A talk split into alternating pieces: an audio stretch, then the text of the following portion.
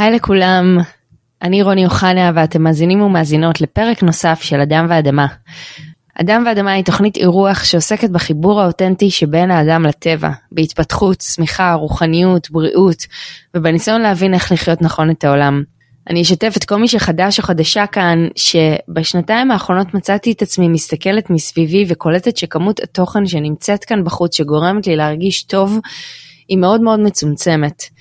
ובדיוק מתוך זה הגעתי לרעיון של לייצר פודקאסט, כי רציתי וחיפשתי מקום שבו אני אוכל להעשיר את עצמי בידע שהוא יגרום לנו להרגיש שמחים יותר, מאושרים יותר, בריאים יותר, וממש ייתן לנו כלים לאיך מתוך הרוחניות וההתפתחות האישית, לצד ממש הפרקטיקה של איך לחיות את זה היום, בחיים המערבים שכולנו חיים אותם. אז באמת שיתפתי באינסטגרם שלי וזאת הזדמנות גם לשתף את כל מי שמאזינים ומאזינות לי כרגע שאדם ואדמה ממש בשעה טובה ומרגשת מאוד uh, מתרחבת וגדלה uh, והופכת להיות בית לעוד הרבה דברים שהם מעבר לפודקאסט שעל כולם אני ממש לא יכולה לחכות כדי לשתף אתכם uh, וזה יקרה ממש ממש ממש בקרוב אבל עד שזה יקרה ואוכל לשתף ממש בפרטי פרטים על כל ההתרחבות הזאתי, אני אספר לכם ששבוע שעבר יצא הניוזלטר הראשון של אדם ואדמה, ואם אתם רוצים להיות חלק, אני ממש ממש אשמח. אמ, תרשמו לי אה, את המייל שלכם ואני אצרף לכם את כל הפרטים. יש לכם בתיאור את הפרטים שלי לאינסטגרם אה, ונוכל להתקדם משם. אז בחזרה לענייננו, בפרק הקרוב אני מארחת את חן אלחדיף, חן היא פסיכותרפיסטית והופעה. מלבד לימודי הפסיכותרפיה היא למדה גם מחול, לימודי מזרח אסיה ואמנות רב תחומית וקונדיטוריה. בכל אחת מהתחנות האלו היא אספה משהו מהותי לעצמה, אבל רק אחרי הרבה שנים שבהם היא התאמנה על ההקשבה פנימה, היא הצליחה למצוא את התמהיל המיוחד שלה שאותו היא מוציאה לעולם ודרכו היא עוזרת לאנשים למצוא את הקול הייחודי שלהם. דיברנו בפרק הקרוב על איך להביע את עצמנו בלי פחד, איך לתת מקום לצרכים שלי, איך לא לפחד להביע את דעתנו בעולם, איך ללמוד לסמוך על עצמנו, להקשיב, על עצמ... להקשיב לעצמנו, וגם איך לפתור אפילו את הבעיות שלנו בעצמנו. אז תהנו מלא ותספרו לנו איך היה.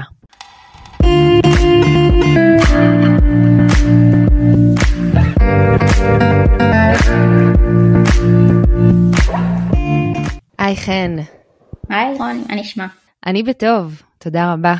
Uh, שמחה להקליט את הפרק, ואולי רגע לפני שממש נצלול ככה ישר, אולי ניתן קצת רקע לכל השיח הזה ושתספרי לנו קצת uh, עלייך.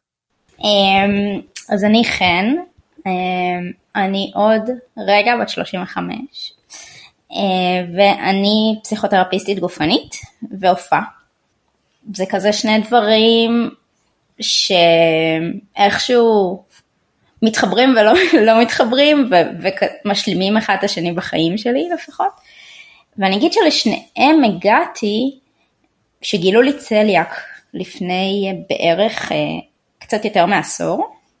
וגילו לי צליאק וניסיתי תזונה ללא גלוטן, בהתחלה הייתי, כשגילו לי את זה הייתי במין איזשהו איי והרגשתי כאילו ייי, מצאו את כל אה, בעיות חיי, עכשיו הכל הולך להיפתר, איזה כיף. אה, וכמובן שעברתי ישר לתזונה ללא גלוטן, ובשנתיים הראשונות אה, אכלתי מאוד מאוד מוקפד, והכאבי בטן וכל מה שהיה לי לא עבר, וכל בעיות חיי לא נפתרו לצערי. והייתי, הלכתי לרופא כל פעם מחדש, ואמרתי לו, תקשיב, עדיין כואבת לי הבטן, תקשיב, עדיין כואבת לי הבטן. והוא היה אומר לי את עדיין אוכלת גלוטן, את עדיין אוכלת גלוטן, את לא יודעת, את הטעם, וממש הגעתי למצב שאכלתי כבר אה, רק אורז וירקות, ועדיין כאבה לי הבטן, עד שיום אחד הוא אמר לי כאילו, תשמעי, אין מה לעשות, לפעמים אה, כואב את הבטן, לפעמים אה, חיים עם זה. ואני כאילו התעצבנתי שם ממש, ואמרתי, אתה למדת רפואה כל כך, לא אמרתי לא את זה כמובן, אמרתי את זה לי, לעצמי בלב, מה פתאום שאני אגיד כזה דבר לרופא גדול עם חלוק לבן והכל. והתעצבנתי כאילו נורא ואמרתי, למדת כל כך הרבה שנים בשביל לתת לי את התשובה המעצבנת הזאת. ואז הבנתי שאין לי ברירה והתחלתי לחקור את הדבר הזה בעצמי. והבנתי ככה ביני לבין עצמי שיכול להיות שצליאק זה בכלל לא מה שהרופאים אומרים, שלרופאים יש איזשהו סך ידע מוגבל, ובתוך הסך ידע המוגבל שלהם הם טוענים שזו מחלה שאי אפשר אה, להירפא ממנה, ואני אמרתי אולי, אולי אפשר, אולי יש מצב. ואני ממש ממש אה, חובבת פחמימות וגלוטן וכל אה, הדברים האלה, והתחלתי לצאת לאיזשהו מסע, אמ, שבאמת כאילו שואל את השאלה הזאת, האם אפשר להחלים מזה?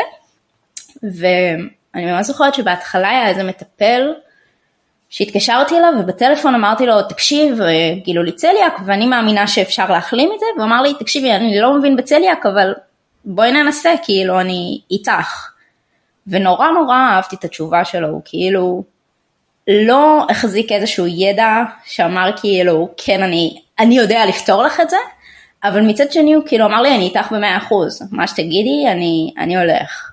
וואו, זה כל כך מדהים שאני חייבת להגיד לך על זה, לעשות רגע סוגריים ולספר לך שחברה מאוד טובה שלי פגשה רופא לא מזמן שהתמודדה עם איזשהו עניין גם, והוא אמר לה בשורה שלילית, והיא טולטלה מזה ברמות שאת אומרת לעצמך, כמה אחריות יש למבשר הבשורה בדרך, גם במילים שבהן הוא משתמש, כי... ממש.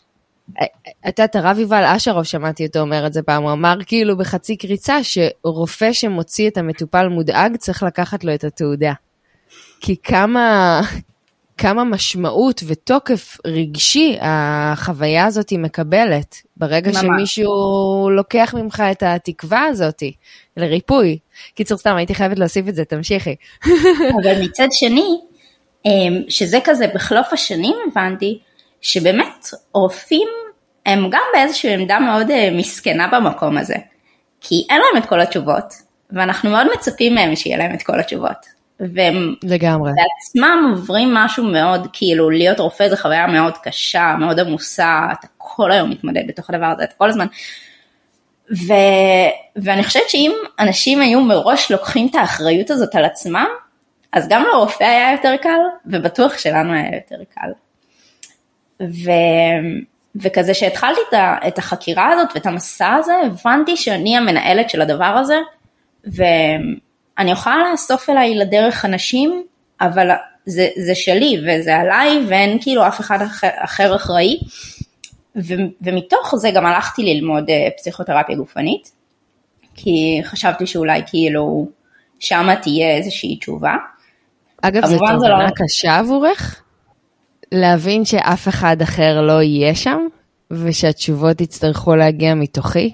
זה כאילו נשמע לי מצד אחד באמת צעד משמעותי, מצד שני אני אומרת, כאילו זו תובנה, תובנה קצת עצובה באיזשהו אופן. אני חושבת שזו הייתה תובנה מאוד מאוד משחררת. ואני חושבת שאני חוזרת אל התובנה הזאת כל פעם בחיים ממקום אחר, וכל פעם שאני פוגשת אותה, אני מבינה כמה זה משחרר. כי, כי אם אני אחראית על הדברים, אז אני אחראית על הדברים. אני, אני יכולה לעשות את הדברים איך שאני רוצה. אה, וכל פעם שיש, שאני מאמינה שיש למישהו אחר חלק בדבר הזה, ואני שמה אצל מישהו אחר חלק מהאחריות, אז נלקחת ממני גם השליטה. והשליטה על החיים שלי. על הבריאות שלי, על הגוף שלי ועל ה, ועל ה-set of mind שלי כאילו. ואני חושבת שהרבה מאוד פעמים בחיים התרגלנו לזה שמישהו אחר אה, מחליט בשבילנו או מתווה לנו אפילו את הדרך כאילו ו, ולקחת את האחריות חזרה אלינו זה משהו שיכול להיות מאוד מפחיד ובשבילי יש בו משהו שהוא מאוד מאוד משחרר. ואני אוסיף עוד משהו, שזה מאוד מאוד משחרר, וזה יכול להיות מאוד מפחיד שאתה לא יודע איך. אבל אז אם אתה אומר, אני לא יודע איך, אבל אני מוכן ללמוד, ואתה הולך לאנשים שיעזרו, להיעזר באנשים, כי, כי אין מה לעשות, אנחנו לא יכולים לבד, אנחנו לא יכולים לבד לא כי אנחנו לא מספיק חכמים, לא מספיק טובים, לא מספיק, אנחנו לא יכולים לבד כי אנחנו יצורים של קשר. וברגע שאתה מבין את זה ואתה מוכן להיות בקשר, אבל להיות אתה אחראי על הצד שלך, יש משהו שמשנה ממש בפרספקטיבה שלך. את יודעת, אחריות, אני, זה מילה שאני מאוד חוקרת אותה לאחרונה. אני מאוד מזדהה עם מה שאמרת, ש, שאני גם, אני פוגשת אותה בהמון המון המון כיוונים. אני פוגשת אותה בפן ההתפתחותי-רוחני, ואני פוגשת אותה בפן הבריאותי, ואני גם ממש ממש כאילו חווה דברים סביב המילה הזאתי. ואני חושבת שהיא מרה ומתוקה דווקא בגלל המקום הזה שאין כאילו את מי להאשים יותר. בקשיים שלי ובבעיות שלי ובכל אחד וההתמודדויות שלו. אוקיי, נכון, זה כיף, השליטה עכשיו בידיים שלי, מצד שני, כאילו... מה? שמישהו יסחוב את זה. כן, כאילו קורה עכשיו איזשהו משהו מאוד uh, מבאס בחיים שלי נניח, ו, ו, ואין לי את מי להאשים. פתאום ההבנה הזאת שזה רק שלי, ואיך מתמודדים עם זה בכלל. ואני אגיד שאני בחודשים האחרונים, כל פעם שאני נתקלת באיזשהו משהו כזה שהוא נורא קשה בשבילי, או משהו כזה, אני מנסה ממש לקחת את האחריות הזאת ולהגיד, זה כנראה משהו, איזה שהם זרעים ששתלתי מתישהו בעבר, יכול להיות שכרגע אני לא מזהה אותם, יכול להיות שאם אני אמשיך כאילו קצת לחפור אז אני כן אזהה אותם, אבל זה כאילו קצת לא רלוונטי עכשיו. עכשיו השאלה שלי היא מה, מה הלאה? מה, מה, מה במקום הזה אני כן רוצה לשנות? אני רואה את המציאות שהיא ככה, ומה המציאות שהייתי רוצה לראות. אנחנו יכולות להוריד את זה לדוגמה ספציפית, כדי שנוכל להבין יותר? אני יכולה לנסות, וניכנס כאילו למקום אולי אישי קצת יותר. אני, הנושא של כסף, לאחרונה משהו בו לא עובד כמו שהייתי רוצה בחיים שלי. וכסף זה נושא מאוד מאוד גדול, שלהרבה מאוד אנשים יש מה להגיד עליו מכל מיני כיוונים, ובאיזשהו מקום אף אחד לא באמת מלמד אותנו את הדבר הזה. וקראתי איזשהו ספר שמאוד uh, נכנס לי ללב ומאוד uh, השפיע על הצורת ראייה שלי, והוא מדבר שם על נדיבות, על נדיבות שהיא איזשהו זרע של שפע בסופו של דבר, שכשאתה נדיב אז בסופו של דבר השפע מתקיים בחיים שלך.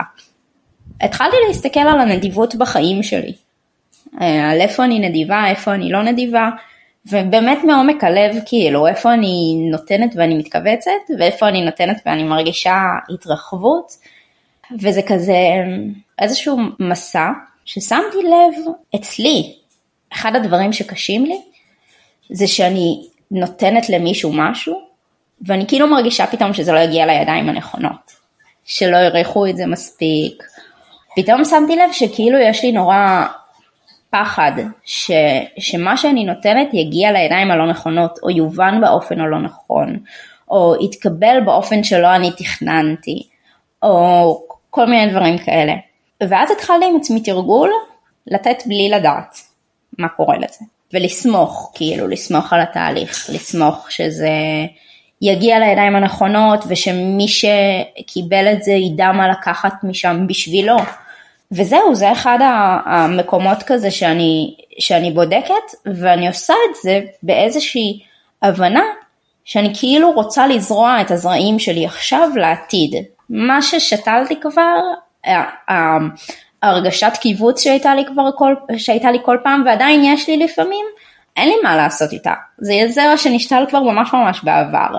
ועכשיו אני יכולה רק לנסות לזרוע את הזרעים לעתיד ולנסות לתת באיזושהי אה, הרגשה של הכל טוב, מה שאני נותנת יתקבל איך שהוא יתקבל ואני מקו... אני כאילו לסמוך על התהליך בדבר הזה. את יודעת, אני חושבת הרבה פעמים על ה... מתוך ה... הרצון לקחת אחריות על הדברים, לפעמים היו שלבים בחיים שהוא התערבב לי גם עם, עם האשמה עצמית, או הלקאה עצמית.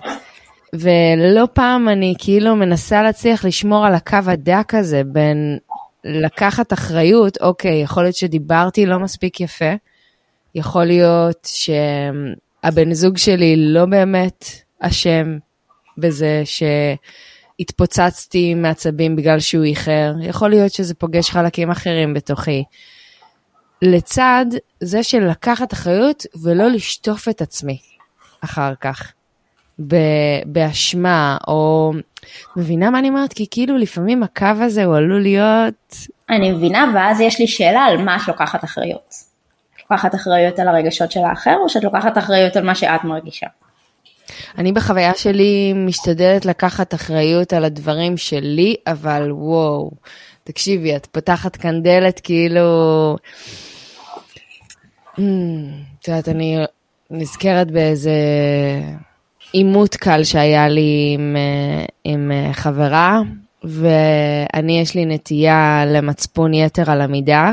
אני אוהבת אה, לאכול לעצמי את הכבד אחר כך, מלמה אמרתי ככה, וזה משני הכיוונים, זה גם למה לא גיבית את עצמך מספיק? למה לא אמרת? למה בזמן שהיא אמרה את מה שהיא אמרה, לא אמרת את מה שהרגשת בתוכך? ואז כאילו יש בי כעס על עצמי שלא עמדתי שם וגיביתי את עצמי. ובאותה נשימה, גם הלקיחת אחריות על, ה, על הרגשות של הצד האחר, של היא כל כך התבאסה עליי עכשיו, והיא כל כך עצובה, ואכזבתי אותה. והתחושות האלה הן קשות. כן. מאוד. מאוד, ואני חושבת שזה מה שהתחלנו לדבר עליו קצת אה, לפני ההקלטה. ההפך מלהיות קטן זה לא להיות גדול. ההפך מלהיות קטן זה להרגיש שאני שווה ערך לצד השני. כי כשאני מרגיש גדול אז באמת יש עליי אחריות גם לקטנים עליי. אבל אנחנו לא תמיד יכולים לקחת אחריות על איך מישהו אחר תופס את הדברים שלי. אני יכולה לקחת אחריות רק על הדברים שאני אומרת ועל הכוונה שאני מביאה את הדברים שלי. ואני חושבת שהעניין של הכעס הוא גם, גם לי הוא התערבל שם במשך אה, הרבה הרבה זמן, כי, כי הרגשתי שאם אני לא אחזיק את הכעס חזק, את הכעס על עצמי, את הכעס או על מישהו אחר, נניח על הרופא שאמר לי ככה וכך, אם אני לא אחזיק את הכעס, אז אני עלולה לפגוע באחרים. ואנחנו כל כך מפחדים מלפגוע באחרים. מה זה אומר להחזיק את הכעס בעצם? זה כאילו ללכת עם, ה, עם הדבר הזה של באיזה זכות. באיזה זכות הוא אמר את זה, באיזה זכות אני אמרתי את זה, איך העזתי, איך העזתי אה, לעשות את הדבר הזה שכל כך פגע בה.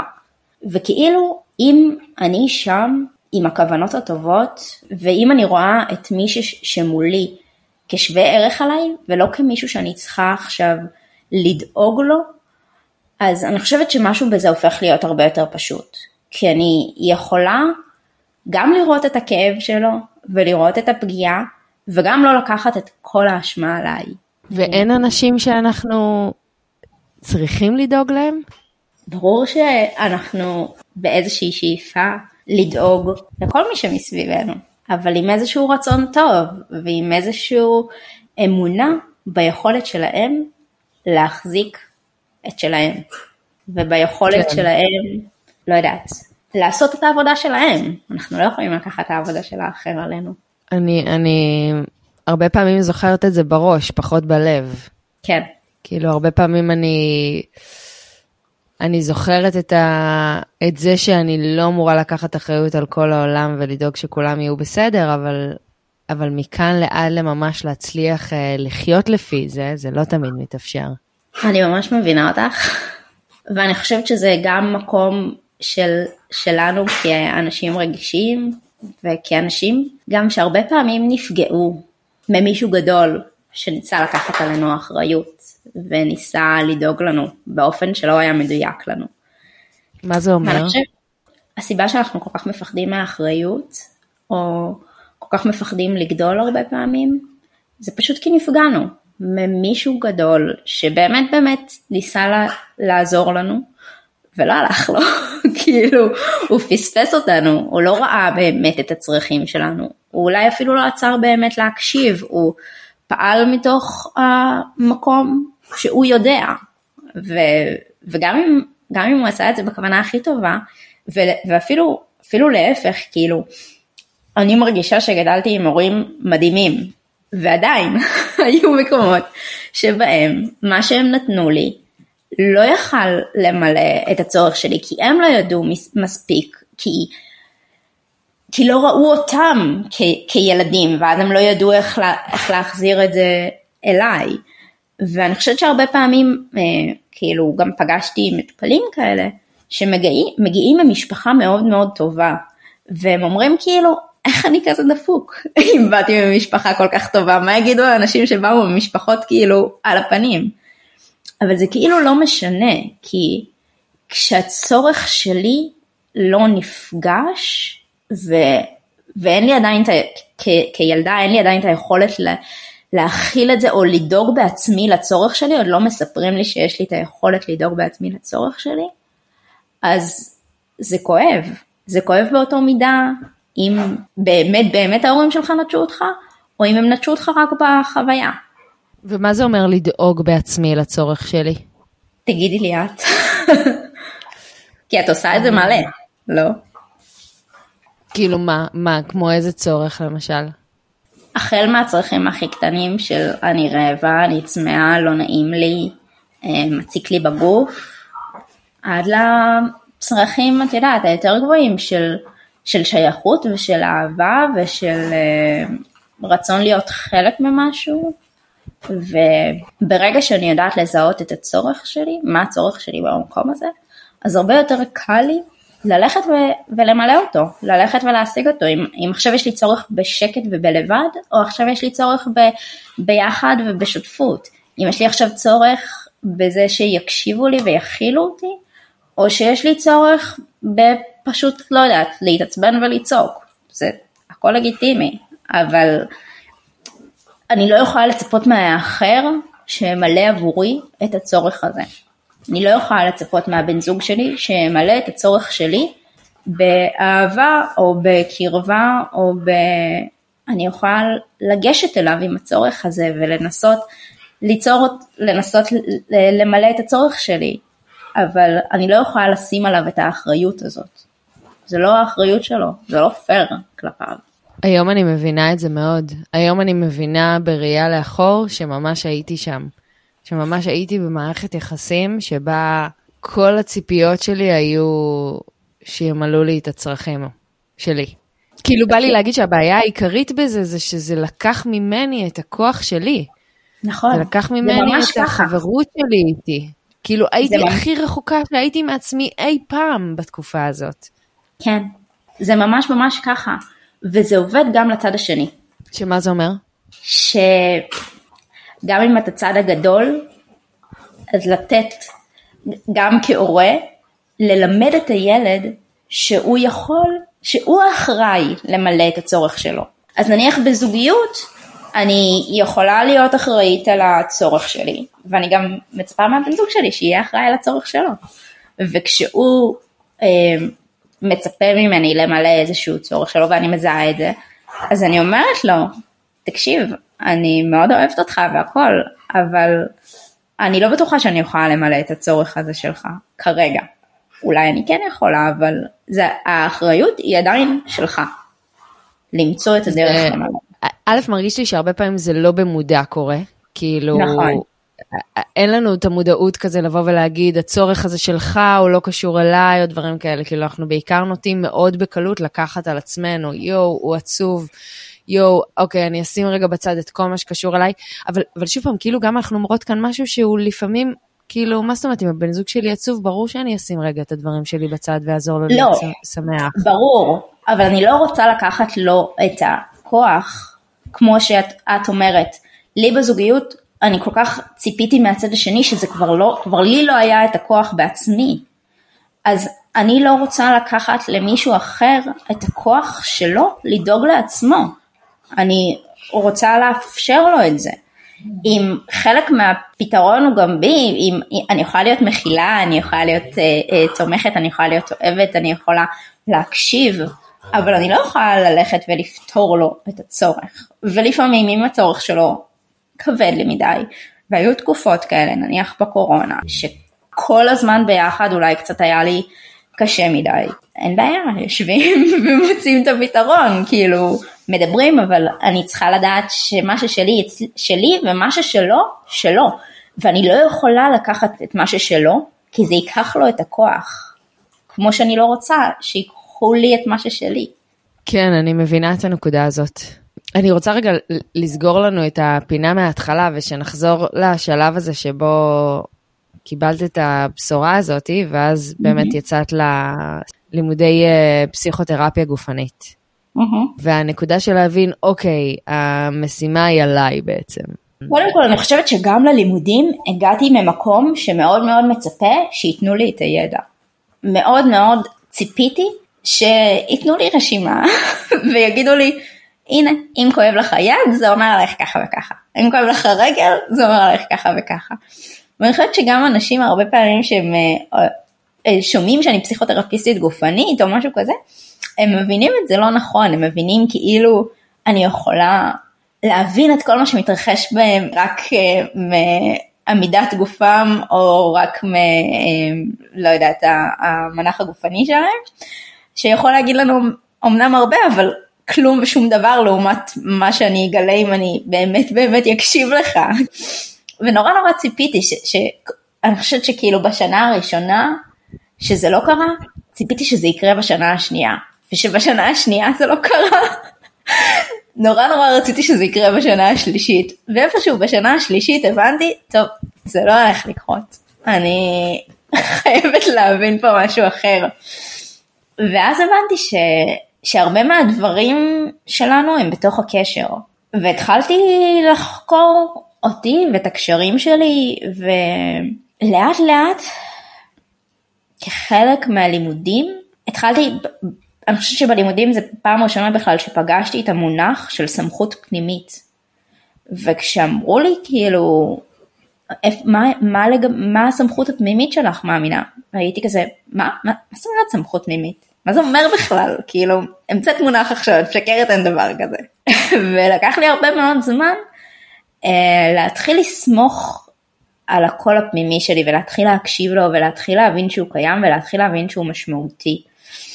ומשם כאילו התחלתי לאט לאט להכניס את זה לחיים שלי וראיתי איך זה משנה את, גם את החוויית חיים שלי אבל גם את הקשרים שלי וגם את, את, ה, את האנשים שסביבי. כי פתאום הסכמתי להביא את עצמי לעולם, פתאום הבנתי שזה, שזה ממש הכרחי, כאילו פתאום מה, מה ש... זה אומר, מה זה מה אומר להביא את עצמי לעולם? זה אומר להביע את הדעות שלי, זה אומר להביע את הרגשות שלי. אני חושבת שלא היה לי בכלל אוצר מילים רגשי. בכלל לא, לא ידעתי כאילו איך להביע את הרגשות שלי. אני חושבת שבכלל לא הייתי מודעת לעומק של העולם הרגשי שיש בי, ולאט לאט קיבלתי את הכלים להתחיל להשתמש בזה ולהתחיל להבין את זה ולהתחיל נניח אם בעבודה שהייתי עובדת, אולי נשים את זה פה רגע כי זה איזושהי, איזשהו משהו מאוד, אה, שמאוד עזר לי בתהליך. עבדתי אה, במשך ארבע שנים כמבשלת בגן ילדים. זה כאילו מקצוע שיכול להיתפס מאוד מאוד קטן. מבשלת בגן ילדים, זה לא מחנכת, זה לא, אמ, לא יודעת, זה לא מבשלת במסעדת שף, זה כאילו, זה כאילו שום דבר. אבל המקום הזה שהייתי בו, כאילו הגן הזה שבו עבדתי, בשילוב עם מה שאני הבאתי, אמ, יצר איזשהו מקום שפתאום הצלחתי להפוך את התפקיד הזה לאיזשהו תפקיד מאוד מאוד משמעותי, גם עבורי ואני חושבת שגם עבור הצוות. פתאום המטבח הפך להיות מקום כזה שאתה יכול לבוא שנייה ולפרוק את הלב שלך באמצע יום נורא עמוס. ופתאום ראינו את זה גם על, אה, גם על המחנכות וגם על הילדים וגם על ה... שזה איזשהו מקום, איזשהו מרחב כזה נורא נינוח פתאום להיות בו לבד ביחד. זה כאילו לא היה מתאפשר אם לא הייתי מסכימה לשתי דברים. אחד להביא אותי ושתיים לקבל את מה שנותנים לי.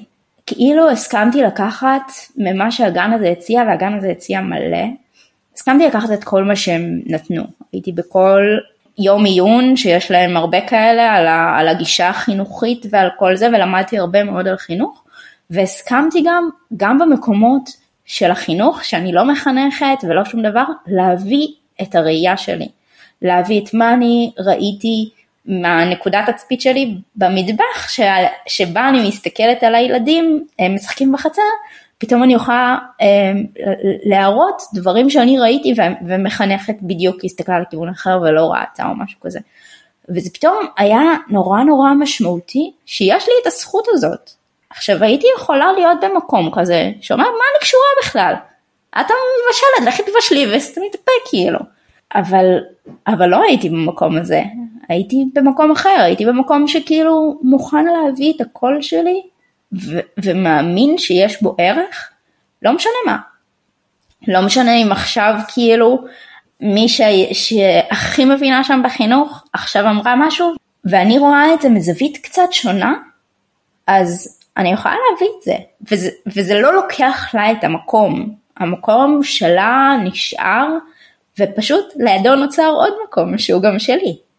ואז יכול, ואז יכול להיווצר פינג פונג שהוא נורא נורא מעניין ואני חושבת שאנשים מאוד מאוד כמהים אליו לדבר הזה שאתה יכול להשתנות ולשנות.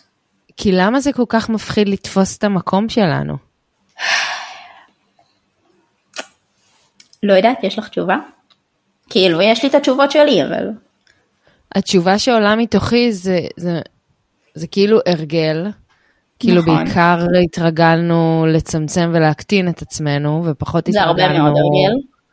פחות התרגלנו כאילו להאדיר את עצמנו. אני חושבת שגם משהו תרבותית כזה מוחדר בנו בהבנה שלעוף על עצמך זה דבר שלילי.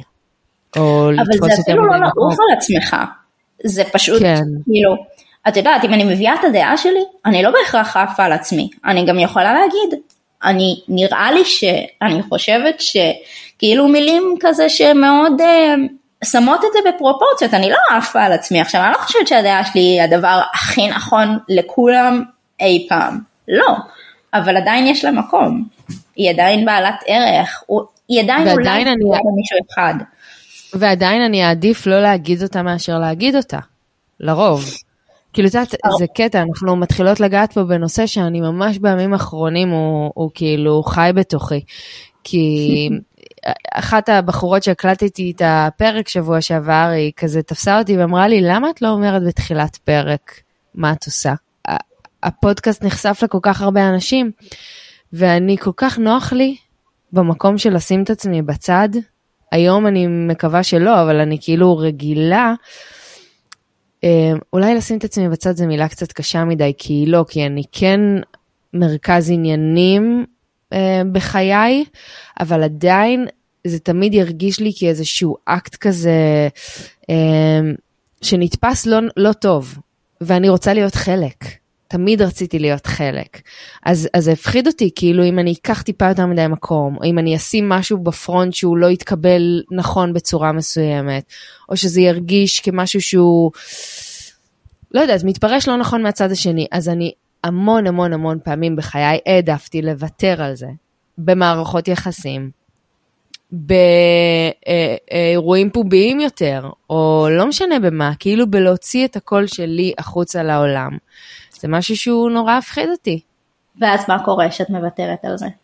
זה מחזיר אותנו למה שאמרתי מקודם, כאילו אני פשוט מתרחקת ומתרחקת מעצמי ברמות, אני מאבדת את ה... אמרת מילה מדהימה, הייתי רוצה שנעמיק בה אפילו עוד יותר, סמכות פנימית. אה, כאילו, תקשיבי, זה קטע איך הכל קשור להכל, להכל, להכל, להכל. כאילו זה מחזיר אותי למה שאמרת בהתחלה, כאילו חיכית בשנה הראשונה שמישהו יפתור לך את כל הבעיות, ואז בשנה השנייה, ואז בשנה השלישית, ואני עדיין מוצאת את עצמי לא פעם בחיים, מחכה שמישהו יפתור לי את העניין הזה והעניין הזה והעניין הזה. ונראה לי כן. שאין מישהו שמקשיב או מקשיבה לנו עכשיו ולא מרגיש כאילו את זה לגביו. יש מצב שאפילו הוא נכנס להאזין לפרק הספציפי הזה, כדי להבין איך לפתור לו את העניין הספציפי הזה. בדיוק, ממש. כן. אני זוכרת גם שהייתי בהתחלה הייתי הולכת לטיפולים ונניח הייתי באה עם איזשהו דילמה או איזושהי בעיה והייתי אומרת טוב יש לי טיפול ביום זה וזה נפתור את הדילמה הזאת כאילו מה בקטנה הולכים לטיפול ואז הייתי מגיעה לטיפול והיא לא הייתה פותרת לי את הבעיה המטפלת כאילו חצופה שהיא מה נראה לך באתי אלייך כדי שתפתרי לי את הבעיות ואת לא פותרת לי את הבעיות. מה עושים? מה שכן היא עשתה זה שהיא קירבה אותי אל עצמי. היא קירבה אותי אל עצמי ואני עכשיו יכולה לפתור את הבעיות שלי. ועכשיו אני מבינה, בגלל זה אני אומרת, אני, זה כל כך משחרר אותי שהאחריות הבלעדית בחיים האלה, על מה שאני מרגישה, על מה שאני חושבת, על איך שאני פועלת, האחריות הבלעדית היא עליי. וזה נורא נורא משחרר, כי ברגע שאתה לומד לעבוד איתך, זה הדבר, זה הכלי הכי דבר, הכי מהמם בעולם. מה, אז בואי, אז בואי נתחיל ללכת אליו. אני רציתי רק להגיד על מה שאמרת קודם, שאני חושבת שרובנו הרבה פעמים לא, לא מביאים את עצמנו בתוך מערכות יחסים, כי אנחנו נורא נורא רוצים להיות חלק. אנחנו נורא נורא רוצים להיות חלק מאיזושהי מערכת יחסים, ואנחנו נורא מפחדים שאם נביא משהו מאיתנו, אז, אז זה לא יתקבל, ואז לא נהיה חלק מהמערכת יחסים הזאת.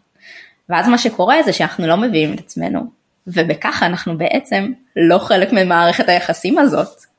כי אתה לא יכול להיות חלק ממערכת יחסים אם אתה לא חלק, אם אתה לא אתה, אם את לא את, אם את לא מוכנה באמת להביא את עצמך, את לעולם לא תהיי חלק ממערכת יחסים. את uh, תהיי חלק, חלק מדומיין ממערכת יחסים, אנשים ישליכו עליהם, אה, ישליכו עלייך את מה שהם חושבים, את מה שהם רואים בעצמם, את מה שהם, וזה מה שתהיי בתוך המערכת יחסים, איזשהו איזושהי דמות שהיא לא באמת את. אני חושבת ש, שמהחוויה שלי אני יכולה להגיד שזה יחזיק, אבל לתקופה מאוד קצרה. עד שכבר כאילו הבטן מבפנים, הפער הזה בין, בין מה שאני מייצגת לבין מה שבאמת קיים בתוכי, כבר כל כך ילך ויגדל עד שיהיה קשה לשאת את זה. אבל, אבל באמת בהתחלה שווה לשלם את המחיר. זה יכול להחזיק גם הרבה מאוד זמן. והיום אני כבר לא יודעת אם שווה לשלם את המחיר. כי אני מאוד מאמינה שדווקא בהתחלה של מערכת יחסים, דווקא שם מאוד מאוד חשוב להביא את עצמך ולהביא את עצמך ולהביא את עצמך בלי הפסקה ולהגיד את הצרכים שלך כי שם נחתם החוזה הזוגי, החוזה, גם אם זה לא בזוגיות, אבל החוזה הלא מדובר בין שני אנשים שביניהם יש את הקשר ואם אתה לא מביא את עצמך בשלב הזה, אז אחרי זה זה הופך להיות הרבה יותר קשה, ואחרי זה אתה זה שנאבק עם זה. זה, זה כמו, שאני, כמו שאמרתי קודם, הזרעים שאתה זורע בתוך הקשר, הם זרעים שאתה לא, רואה, לא רוצה אותם בסוף. כאילו, את לא רוצה באמת לוותר על עצמך, אבל את מוותרת על עצמך כדי למען הקשר, אבל בסופו של דבר, כאילו זה לא באמת למען הקשר, זה למען ההתרחקות. באמת. זה למען הפחד. זה למען הפחד, זה, כן, כן, אנחנו מונעים הרבה מאוד מהפחד. אני רוצה לחזור ללשאול אותך, כי אני עניתי, על, על למה בעינייך אנחנו כל כך, כל כך מקטינים את עצמנו. רוב אני הזמן. ממש, אני ממש מסכימה עם מה שאמרת, אני חושבת שזה הרבה מאוד הרגל. אמ, הרבה מאוד הרגל, אני חושבת ש, שבתרבות שלנו, כאילו אף פעם לא באמת למדנו לעשות את ההפך. כי אני אגיד שנייה מהחוויה האישית שלי, אני זוכרת שכילדה כל הזמן רציתי אה, להיות מבוגרת, כי הרגשתי שכאילו אני הולכת לבית ספר שמכריחים אותי ללכת לבית ספר, אני לא, לא נהנית שם, לא, לא מרגישה שזה נותן לי משהו, אבל אני חייבת ללכת לבית ספר. ואז זה נגמר ויש את התיכון, ואתה אומר, טוב, בסדר, נשרוד את התיכון, ואז אתה מגיע לצבא, ואתה אומר, הנה, הנה, זה, זה עוד שנייה נגמר, אני מסיים את הצבא, ו, והכל טוב. וסיימתי את הצבא, והייתי עם איזושהי החלטה כזה מאוד מאוד דרמטית בלב, של מעכשיו אני עושה רק מה שאני רוצה. מה שלא סיפרו לי, זה שאין לי מושג כבר איך לעשות את זה. אף פעם לא למדתי לעשות את זה, את מה שאני רוצה. אני יכולה לדמיין כאילו מה זה יהיה, אבל ממש בש, ב, בשנים הראשונות אחרי שהשתחררתי מהצבא, ממש כאילו הלכתי לאיבוד וממש נאבקתי בזה ואני חושבת שהרבה מאוד הולכים לאיבוד במקומות האלה כי גם יש משהו כזה של אה, בתרבות שלנו של מה אתה רוצה לעשות שתהיה גדול, כאילו צריכה להיות לך תשובה, תשובה אה, אחת מוכנה. ובסופו של דבר זה כאילו אולי קצת לא משנה מה תעשה בחיים. מה שמשנה זה כאילו שתוכל להביא את עצמך. אני חושבת שכאילו הרבה מאיתנו מאוד נאבקים בזה ולא מבינים מה לעשות שם. כי באמת באמת אנחנו צריכים הדרכה בדבר הזה. אני לא חושבת שאנחנו יכולים לפתור את זה לבד. למרות שבסופו של דבר אנחנו נרצה להגיע אלינו, אבל העזרה שאנחנו צריכים לקבל היא עזרה שמכווינה אותנו אל עצמנו. וזה משהו שרובנו לא קיבלנו בחיים. יש אה, יחידי סגולה, אני אגיד שלא, אני לפחות רוצה להאמין ככה. זה, כן. אתה, את הנקודה הזאת שאמרת עכשיו, וואי, היא, היא הולכת איתי עדיין, על זה שכאילו סיימת את הבית ספר, סיימת את התיכון, סיימת את הצבא, ולא ידעת בכלל מה זה אומר לעשות מה שהלב רוצה, כי, כי איך מקשיבים בכלל לחלק הזה. אני עד היום עוד אין לי באמת תשובה על זה. איך שומעים את ה... איך מחזקים את השריר הזה שמעולם לא התאמנו בלהחזיק אותו בכלל? אז, אז כמו שאמרת, זה שריר, ומתאמנים, ואני חושבת שחלק מהדברים שאני מגלה במסע שלי, זה שהרבה מהתשובות שאחרים ייתנו לי, הם יהיו ממש ממש לא מדויקות בשבילי, ואני צריכה למצוא את הדרך לדייק אותם. ועכשיו שאת אומרת, אני אפילו לא יודעת מה, מה אני רוצה לעשות, אז אני כאילו אומרת, זה בסדר, את לא, את לא, את לא צריכה לדעת, את לא חייבת לדעת עכשיו, כאילו, נורא, אני זוכר, אפילו, אפילו בטיפולים, הרבה מטפלים היו שואלים אותי, כאילו, מה הייעוד שלך, או מה הייחוד שלך, או מה, וזה שאלות שהן נורא נורא מבלבלות בעיניי, ובעיניי הן רק מעכבות אותנו, הן לא באמת, אה, הן לא באמת נותנות לנו, או מה התשוקה שלך, זו שאלה שהיא בעיניי מפספסת את הנקודה לגמרי לגמרי לגמרי. למה? כי תשוקה, תשוקה זה איזשהו אה, חיות, איזושהי אנרגיה חיה, ו, ויש לנו אותה מאוד מאוד שאנחנו ילדים, אבל את לא באה ושואלת ילד כאילו מה התשוקה שלך, פשוט רואה שהוא בתשוקה לחיפושיות והוא בתשוקה לכדורגל והוא בתשוקה לזה והוא בתשוקה להכל כאילו. ואת לא אומרת לו עכשיו בוא תגדיר את התשוקה שלך. אבל לנו לעצמנו אנחנו נורא נורא מחפשים את הדבר האחד הזה שיהיה התשוקה. ובמקום זה אם נחפש את השאלה הזאת של מה נותן לי אנרגיית חיים ונלך ונעקוב אחרי הדבר הזה לא משנה כאילו זה ישתנה זה ישתנה עוד מיליון פעמים ונהיה בסדר עם ההשתנות של זה אז אני חושבת שהרבה יותר נתחבר לתשוקה הזאת בחיים והרבה יותר בקלות כאילו נמצא את הייעוד בחיים. כי גם הוא לא חייב להיות קבוע והוא לא חייב להיות יחיד ויכול להיות שכאילו תעשי הרבה דברים. מה זה משנה? העיקר בסופו של דבר שיהיה לך טוב העיקר בסופו של דבר שתעשי את הטוב שלך בעולם תביאי את הטוב שלך אל העולם ותהיי מוזנת בעצמך ממנו הכל סבבה. מה זה משנה עכשיו אם נגדיר את זה מראש כ...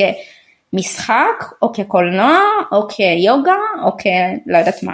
מה היה השלב שבו פתאום התחלת לשמוע את הקול שלך?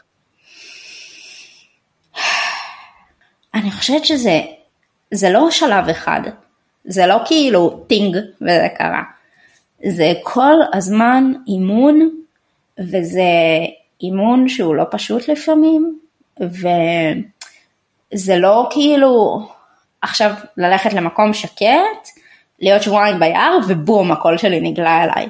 הוא נגלה אליי בכל מיני רגעים קטנים, הוא נגלה אליי, אה.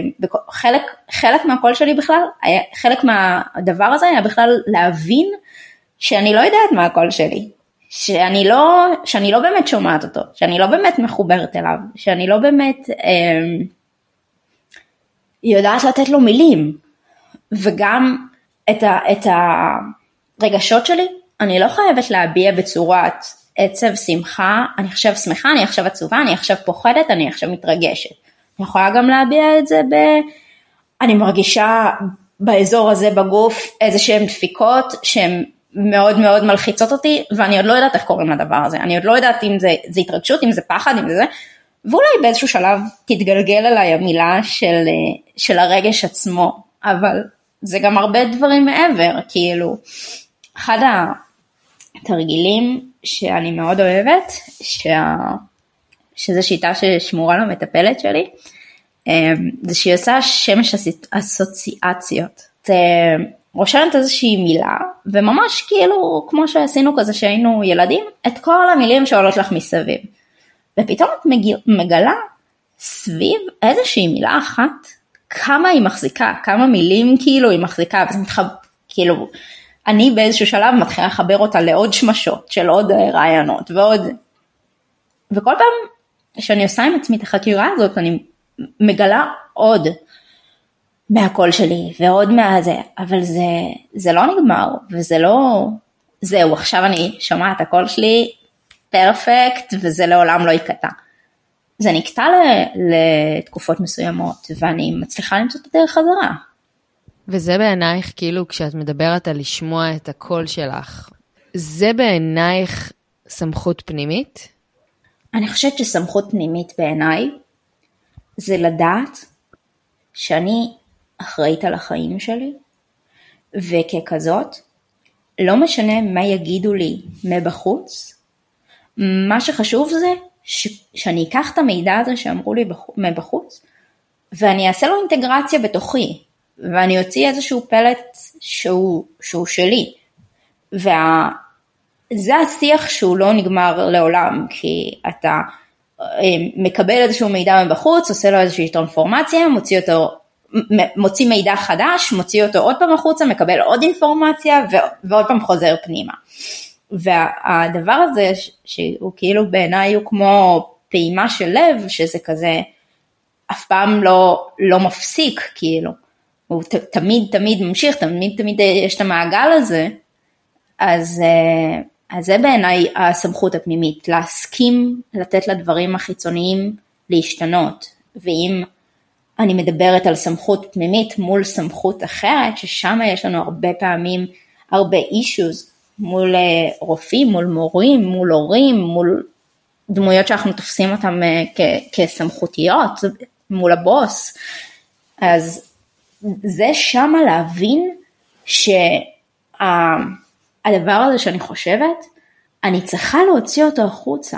אני צריכה להוציא אותו החוצה, ויכול להיות שהוא יתקבל, ויכול להיות שהוא לא, ויכול להיות שהוא יתקבל לא באופן שרציתי, אבל זה לא משנה, אני חייבת, כדי להמשיך את הפעימה הזאת, להוציא אותו החוצה, ו, ולהקשיב למה שאומרים לי, ולחזור פנימה, ולעשות עוד פעם את כל התהליך הזה. ואיך את באמת מחזקת אותה, את הסמכות הזאת אלייך? כי אני חושבת שנתת דוגמאות מאוד נכונות, שאת יודעת, ברגע שאנחנו רואות מישהו עם חלוק לבן, את אפילו פסיכולוג שכאילו אומר נכון. עלייך, את ככה וככה. את יש לך ככה וככה, כאילו... וגם כמה אנחנו מחכים לזה. כמה אנחנו כן, מצפים ללכת לפסיכולוג ושהוא יגיד לי, שיגיד לי כבר מה לא בסדר בי, רק שיגיד לי ואני אתקן את זה. כאילו, רק תגיד לי את השם ואני אלך ואקרא בגוגל ואני אפתור את זה. כאילו לפעמים הדברים שאנשים אומרים לנו עלינו, הם מהותיים, לא, לא מהותיים, זו לא המילה שאני מחפשת, הם, הם נחרצים יותר אולי ממה שאני אגיד על עצמי. הם נכונים יותר אפילו ממה שאני אגיד על עצמי. וגם לדוגמה, אם באמת ניקח את הדוגמה של הפסיכולוג, שהוא יגיד עליי משהו, לא בטוח שזה יעבור את הפילטר הזה שבו אני אצליח להגיד, אוקיי, אני לא מסכימה, זה בסדר שהוא חווה את זה ככה, אני לא חושבת את זה על עצמי. אני חושבת שאני דווקא א', ב', ג', ד', אבל תודה רבה. ו- ולהשאיר את זה שם. אני חושבת שזה פיקציה להשאיר את זה שם. אה, זה פיקציה שהרבה אנשים מאוד אוהבים אה, להגיד, אה, לא, אני שרתי את זה מאחורה. זה כבר לא נוגע בי. זה תמיד ייגע בנו. וזה בסדר שזה נוגע בנו, וזה אה, חלק חשוב בזה שזה נוגע בנו, ואז אפשר לשאול במה זה נגע. ואפשר גם להבין שהאיש הזה שהלכת אליו, רופא, פסיכולוג, אה, בוס, לא יודעת מה, הוא רואה חלק מסוים בך, הוא לא מחזיק את כל החלקים שלך. וכשאנחנו מסכימים לראות שאנחנו מורכבים מהרבה מאוד חלקים, וכל אחד שאנחנו פוגשים רואה איזשהו חלק בי, אז, אנחנו, אז, אז, אז זה נותן כאילו איזושהי פרספקטיבה. אז הפסיכולוג ראה חלק כזה וכזה. אני יכולה להסתכל פנימה ולבדוק איפה זה פוגש אותי, ולא בהכרח לקחת את זה או לא לקחת את זה. זה לא אה, נופל ב... אה, וואי נכון איזה מדהים הוא, או איך הוא קלע בול, או הצד השני של כאילו לא מאמינה בזה, לא מאמינה לזה בכלל, אני אשאיר את זה בצד. אם זה נגע בך, אז זה נגע בך.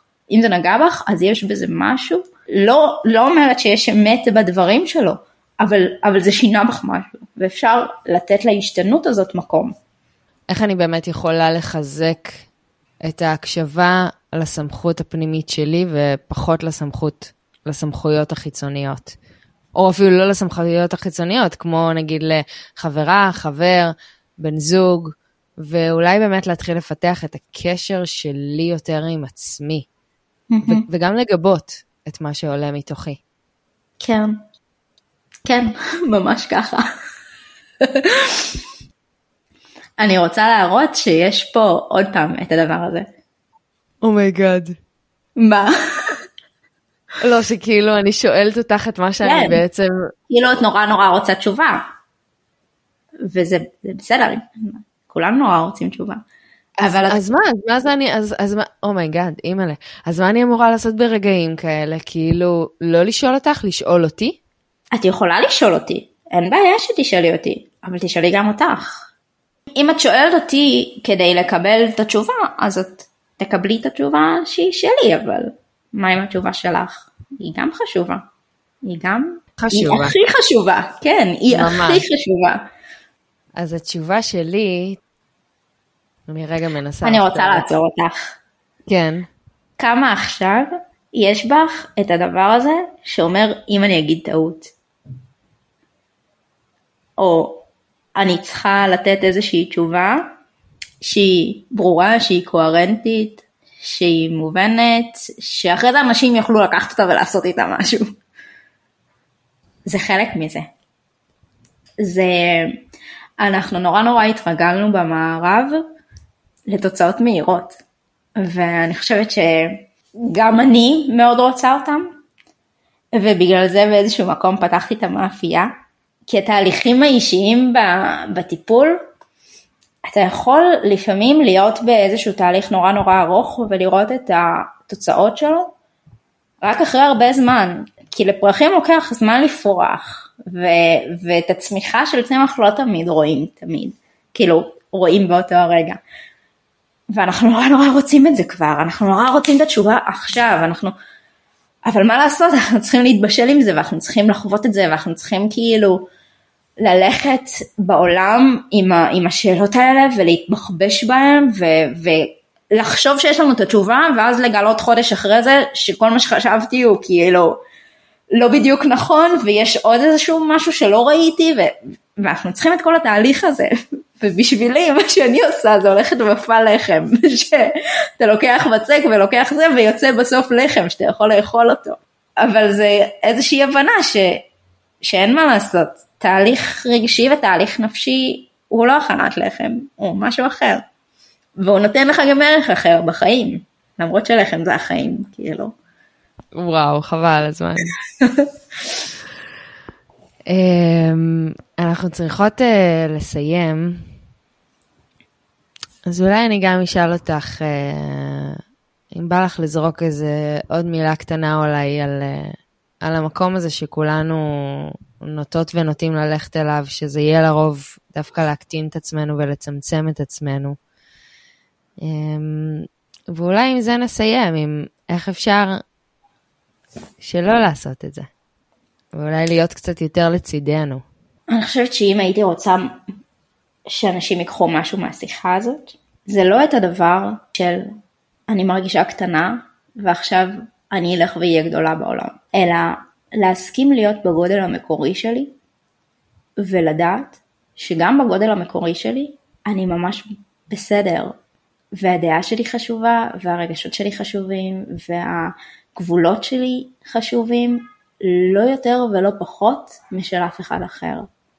הרבה פעמים עשיתי על זה עכשיו אה, פוסט על הפאוור פוז, עכשיו יש אה, שבוע הנערה והם מדברים הרבה על הפאוור פוז ותעמדי בתנוחה הזה ולפעמים זה, הופך, זה הופך להיות איזשהו משהו שהוא נורא חיצוני, אבל הבפנים הוא עדיין לא מספיק בשל לזה. ואם נסכים לגדול בקצב שלנו, אז משהו יגדל שם באופן שהוא הרבה יותר נכון לנו, ונגלה הרבה דברים בדרך. אין לאן למהר, הכל כאילו בסדר, הכל קורה, כל עוד אנחנו בתוך התהליך הזה, ואנחנו מסכימים להיות בתוך התהליך הזה ובתוך ההשתנות הזה, הזאת, הכל טוב. זה פשוט לפעמים מאוד מפחיד לא להשוות אותנו לתהליך של אחרים לידינו, או לקצב שלהם. כן, נכון. אני גם מצאתי את עצמי אה, לפני כמה ימים עוקבת אה, אחרי איזה בעלת עסק שאני מאוד מאוד מעריכה, והיא עשתה כזה תשובות ושאלות ותשובות, וישר שאלתי אותה כמה זמן לקח לך להגיע למקום הזה.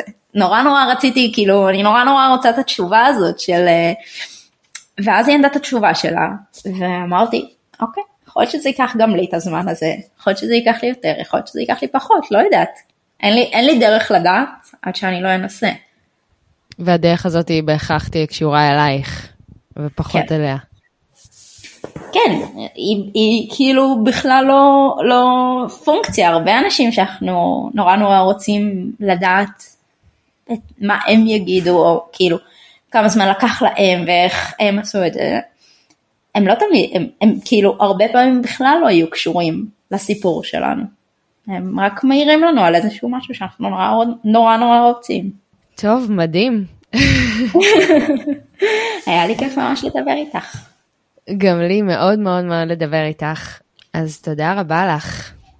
תודה לך על ההזדמנות. חן אל חדיף. נכון. תודה רבה רבה. תודה. אז תודה רבה לכולכם שהייתם איתנו. זאת הזדמנות נפלאה להגיד שאם נהניתם ומצאתם ערך בפרק, אז יהיה נפלא אם תפיצו ותעבירו הלאה למי שהתוכן הזה עשוי להיות רלוונטי גם עבורו או עבורה. אז נתראה בפרק הבא.